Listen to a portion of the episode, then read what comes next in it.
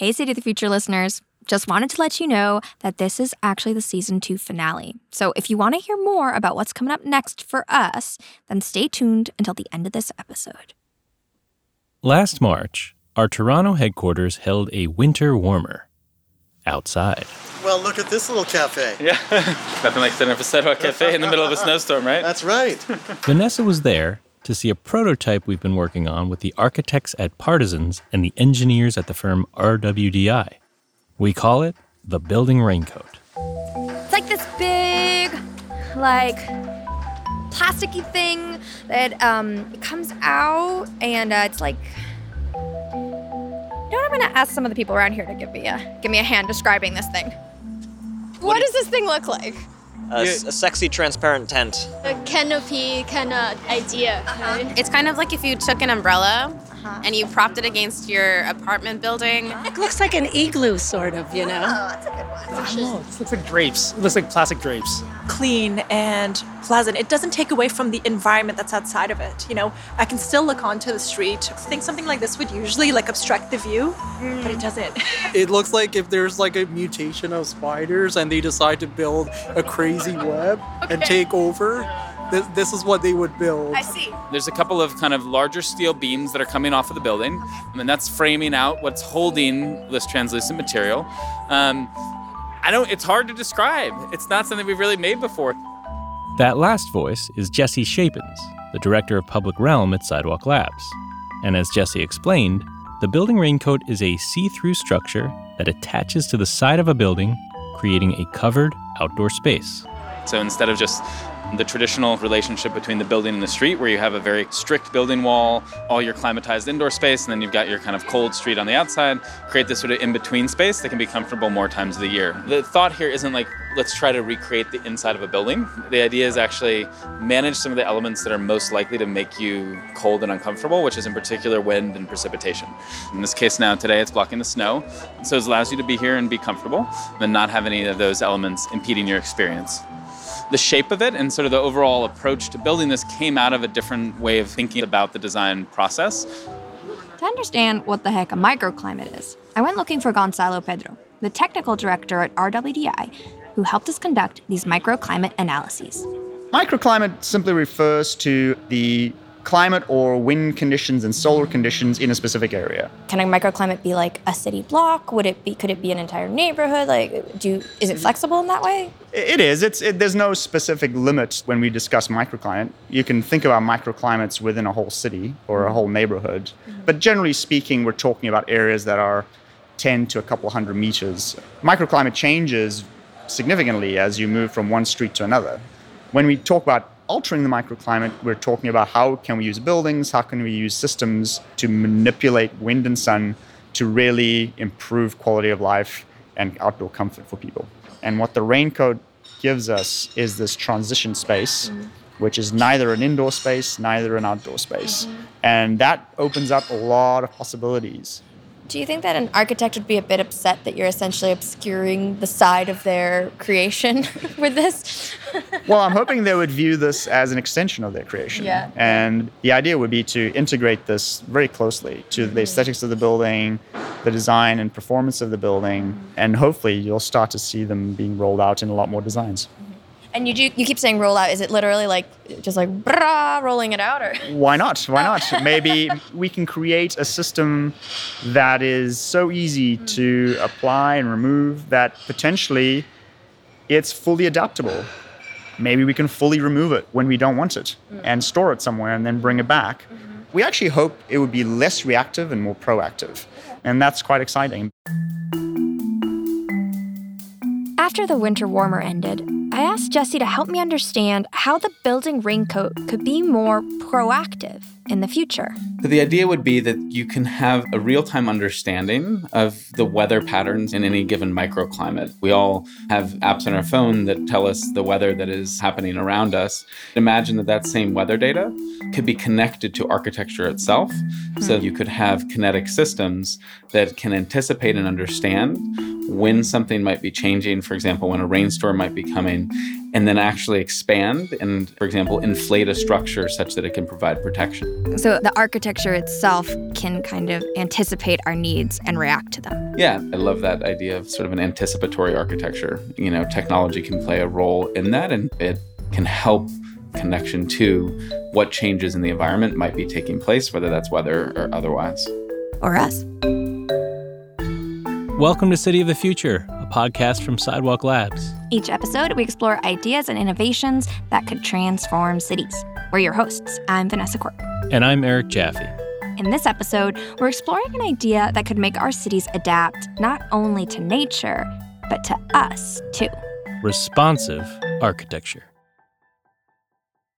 For as long as humans have existed, we've explored ways to shelter ourselves from the elements. This need for shelter is what defined architecture for centuries. But in the 1900s, architecture took a turn. Here's Jesse again. So as modern technologies became more and more embedded in architecture, what started to happen, and it was especially technologies like air conditioning, is that we started to design our buildings and our cities in a way that was divorced from the environment. And we started to make sort of sealed, hermetic structures um, that were entirely conditioned, that were separate from the environment outside.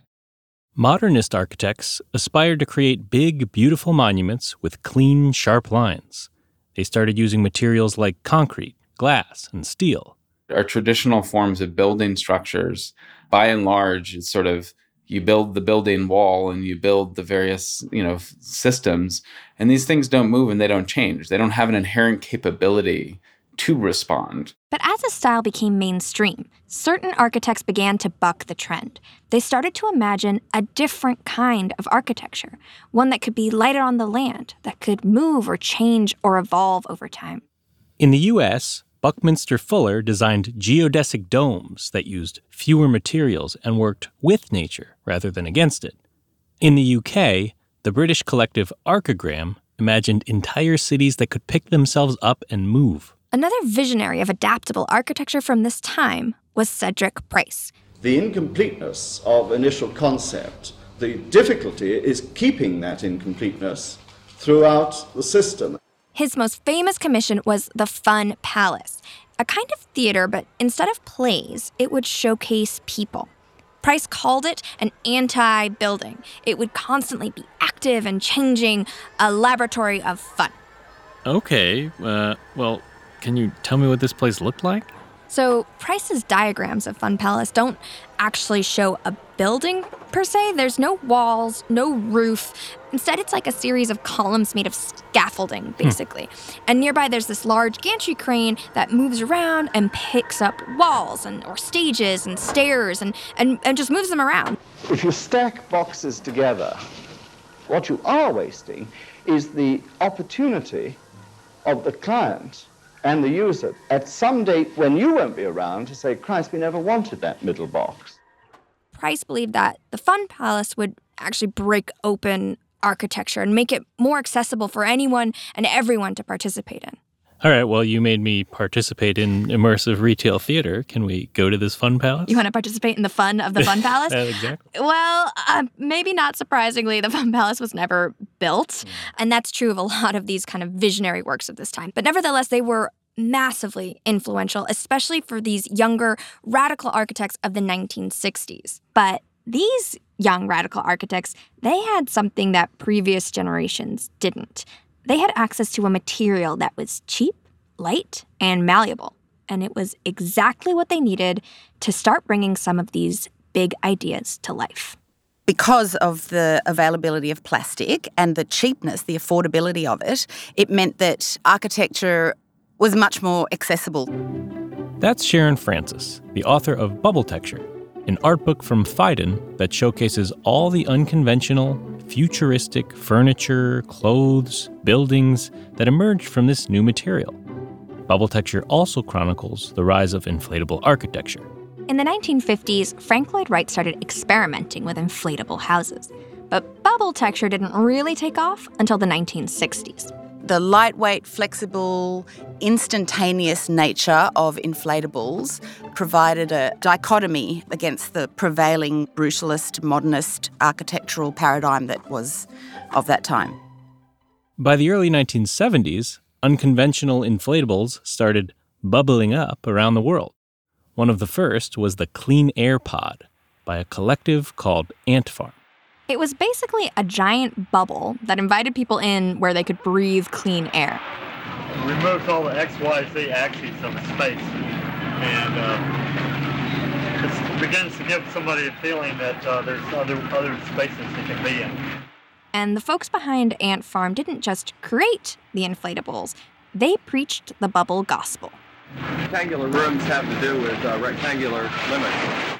They actually created a, a, book that they called the Inflato Cookbook, which was an illustrated guide to making your own inflatables. So, you know, they sort of expounded that uh, for the masses. In 1971, the Austrian group Coop Himmelblau put people in bubbles and set them loose upon the streets of Basel, Switzerland. Around the same time, a Dutch collective called Spatial Effects tried something very similar, except they put their bubbles on water. So while some radicals were interested in bubbles because they could seal people off from the world, others wanted to use bubbles to interact with the environment in new ways. Yeah. And in Sharon's book, you can see that most of today's radicals are much more interested in that latter category. Now, bubbles are created in which many, many people can be interacting within them. Technology has evolved where things have the capacity to be more responsive. Today, idealistic architects don't just have plastic to bring these creations to life, they have ETFE. Ethylene tetrafluoroethylene. Yeah. oh, that's what the building raincoat is made of, right? So, um, what's different about ETFE from just regular plastic? It's a fluorine based plastic, so it's highly durable. It's also transparent. It's about one hundredth of the weight of glass. So the lightweightness gives so much more versatility, possibilities, flexibility. It's also highly wind resistant in that because it has flex, it can buckle under wind mm. pressure and not break. When ETFE was introduced in the early 2000s, most people used it as a way to create large, lightweight enclosures like stadiums. But soon after, architects started experimenting with the material and one of the most interesting projects was built in 2011. Okay, so I'm looking at a picture of the Media ICT building in Barcelona, and it's got a bunch of kind of geometric shapes, and some of the geometric shapes are must be the ETFE because they look kind of pillowy and and shiny like a plastic. It's equipped with temperature sensors, so they collect information from the external environment to adjust the internal environment through the ETFE panels. And also in summer and winter, the internal of the panel is allowed to be filled with like a nitrogen based fog that creates like a, a, shading to the facade. They became sort of intelligent pillows in a way, and that then they were used in an automated way to control how the building worked and functioned. So, this is very similar to what the building raincoat aspires to do. Right. The ICT building uses sensors to respond to its environment. And then the intelligent ETFE pillows, they can create shading on a hot day. And this kind of responsiveness is just the beginning. Architects and scientists today are discovering new materials like ETFE and combining them with new construction systems, which means we're beginning to develop buildings that can expand or contract and can even be digitally controlled. Sharon thinks that these innovations will transform our physical environment. It's about having flexibility and adaptability, and I think we can extend that to the bigger physical environment and the possibilities for responsiveness and change and flexibility and adaptability and all those sort of aspirations. There is an existing building that's already moving the needle toward this future. It's a building that represents an important step in the evolution of responsive architecture, a new cultural institution in New York City, and we can see it from our office window. So, okay, so we're looking at the shed from the 27th floor of our office, and it's like a very funky, bubbly looking building. It's kind of got like a glass bottom, but it's surrounded by this pillowy ETFE. It does have a little greenhouse feel. Yes. Yeah, yeah, kind of like a plastic greenhouse a little bit, but in, but in a fancy kind of way. Right, but when you're walking in from the ground floor, Vanessa, you don't get this whole vantage point. I mean, we Mm. can really see the mechanics behind how this thing works. There's tracks Yeah. that connect the shed itself to the rest of the building, and that helps it retract. Right. This is what is so unique about this building. Like, yes, it looks distinct because of the. ETFE E pillows, but what's really unusual about it is the way that it can move and adapt according to the needs of the space. When the project began, the question was what does a cultural facility look like in the 21st century and beyond? That's Liz Diller, one of the architects who designed the shed. We met up with her at the offices of Diller, Scofidio, and Renfro to learn how this unusual building came to be. Just plunking a building on the ground, freestanding, is kind of, you know, it's it's a suburban idea, mm. right? As responsible urbanists, we're at least thinking about what's the left of us, to the right of us, above us, below us, and making something that's part of an urban fabric and it's part of city making. The shed sits on sovereign New York City land. Mm. The city marked it out as a cultural facility, but only 21,000 square feet of it initially. And when we stepped into this project, thinking about it from scratch, we thought, well, 21,000 feet, even if we build vertically in that site, is not quite enough space. And there is an open space next to us that we felt could be used for a flexible building. So, Liz and her team came up with a pretty ingenious solution inspired by how a matchbox opens and closes. So, the shed is surrounded by a lightweight ETFE shell, and that actually extends out on those tracks that we saw out the window. The whole shell just comes out like the sleeve of a matchbox. It telescopes out from over the fixed building and expands the footprint. The way that the technology works, it takes five minutes and the horsepower of one Prius engine to deploy the shell of the shed. That slip sleeve produces a very, very large space that it encloses as a space for large installations, large performances and theatrical events, and all sorts of events. So it effectively doubles the floor plate, and you could have an open outdoor space that's devoted to cultural use as well. ETFE has never been used in this way before, and Liz thinks that with this new material, architecture can achieve a whole new level of flexibility. Flexibility that will allow our buildings to keep up with our fast moving world. Our culture is moving so fast, right? Economically, technologically, politically, uh, socially, we're advancing so fast that buildings actually can't keep up with the rate of change of, of our culture. And buildings are inherently slow. They're expensive, they're static, they're usually inert. You try to get it right for the future, and there you have it. And then if you're really lucky, the building is retained 30 or 40 years later, and it still has a relevance and it could be transformed a bit. I think that the buildings that don't survive are the ones that are so fixed that a new program can't possibly be imagined in it. So I think the charge for architects today is to imagine an architecture that is flexible and supple. But usually that word flexibility is equated with the generic, Hmm. right? So we think of loft space as flexible. We think about open plate office space as flexible. The fewer columns, the better. But the idea here, and I think for the shed, is to actually make an argument for an architecture of distinction that still has flexibility. So the Bilbao effect of making an iconic fixed building that is just like going to be there forever and it's a symbol, it's a little bit of a dinosaur today. But I think the shed is putting a line in the sand. In many of the interviews that Liz has done, she's mentioned that a key influence for the shed's adaptable, flexible design was Cedric Price, the architect of the Fun Palace that I mentioned earlier. So I had to ask, what do you think Cedric Price would think of it? Um, he'd probably, I hope he'd be jealous. Okay.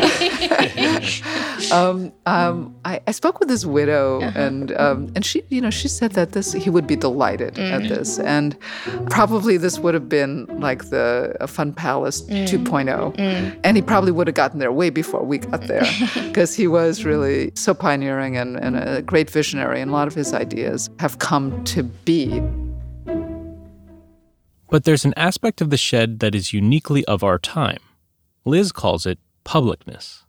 Diller, Scofidio, and Renfro has designed dozens of beautiful buildings around the world, but the project that they're best known for is the High Line. And what makes the High Line so special is that, like the shed, it gives back to the public realm. Well, first of all, we often think about what accounts for the success of the High Line. Why do people love it so much?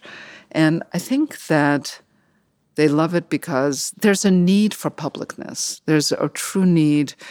We live in our office space. We're like constantly being productive. Our lives as urban dwellers, we're constantly working. When we're not at our offices working or our studios working, we're working on our mobile devices or we're shopping and spending money. She's tapping her laptop right now.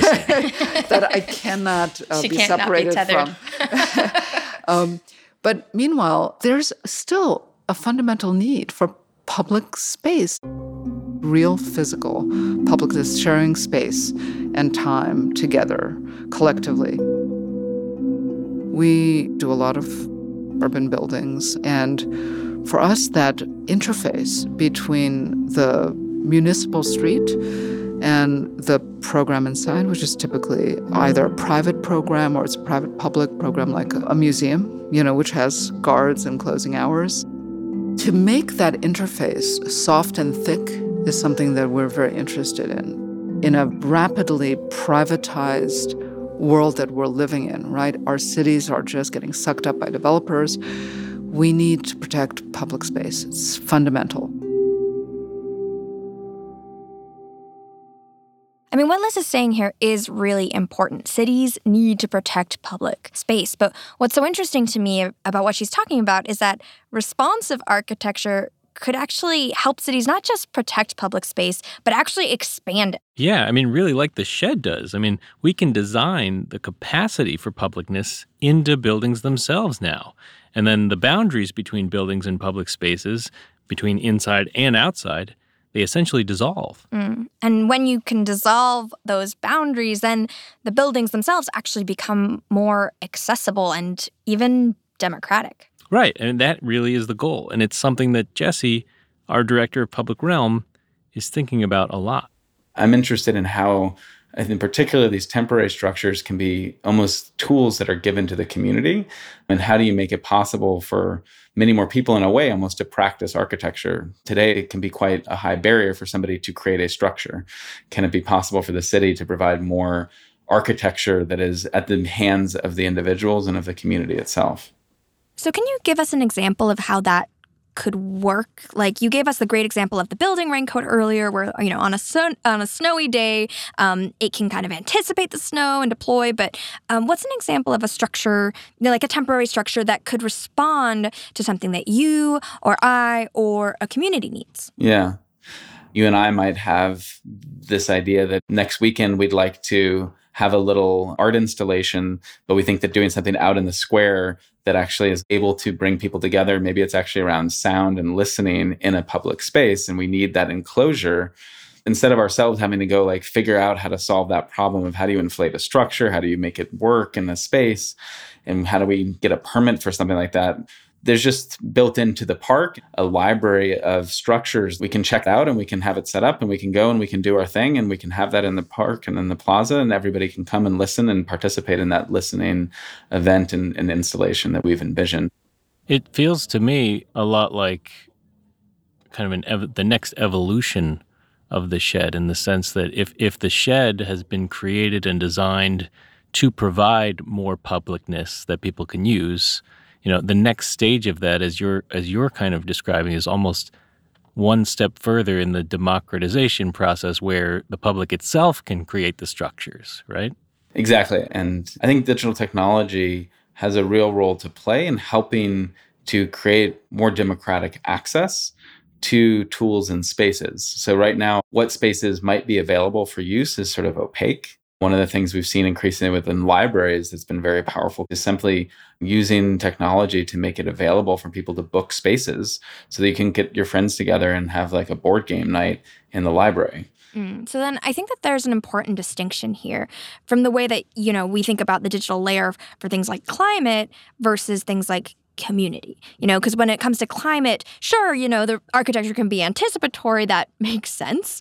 Um, but when it comes to encouraging a sense of community and interaction, then you you know you don't really need the tech to anticipate that you just want it to facilitate community make it easier and more part of our everyday life yeah, I'm personally not excited about a future where everything is entirely anticipated and that there's algorithms that are imagining what my needs are. I want to have the agency mm-hmm. myself to also shape and decide and determine what I want to do in a space and how that space might be able to support me mm-hmm. and my community.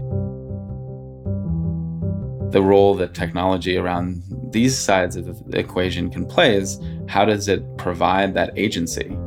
Over the environment. And then you, you imbue the environment with the capabilities to be responsive and allow for that agency to have effect such that I can actually have more control over my environment because I know more about the opportunities that exist. It's a spectrum of spaces that are accessible to me is greater, and the spectrum of tools and technologies that I have to shape my environment is greater. It's not being decided for me.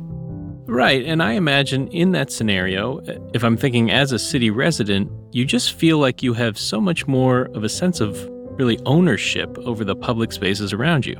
Yeah. We did a research study around sort of what creates senses of belonging for people in public space. The insights are probably applicable to people anywhere. And I think probably the most significant and consistent insight from people of all different incomes and backgrounds in different parts of the city was simply that sense of ownership and belonging comes from an actual real experience of agency. When you see a place where people, individuals, have shaped the environment, where they have changed the facades, where they've actually made choices that you see are sort of reflective of them as people, those are the places that people also feel the most invited and welcomed to be a part of because they see there's other people that have left a mark. I can leave a mark too. That's actually what creates a sense of belonging.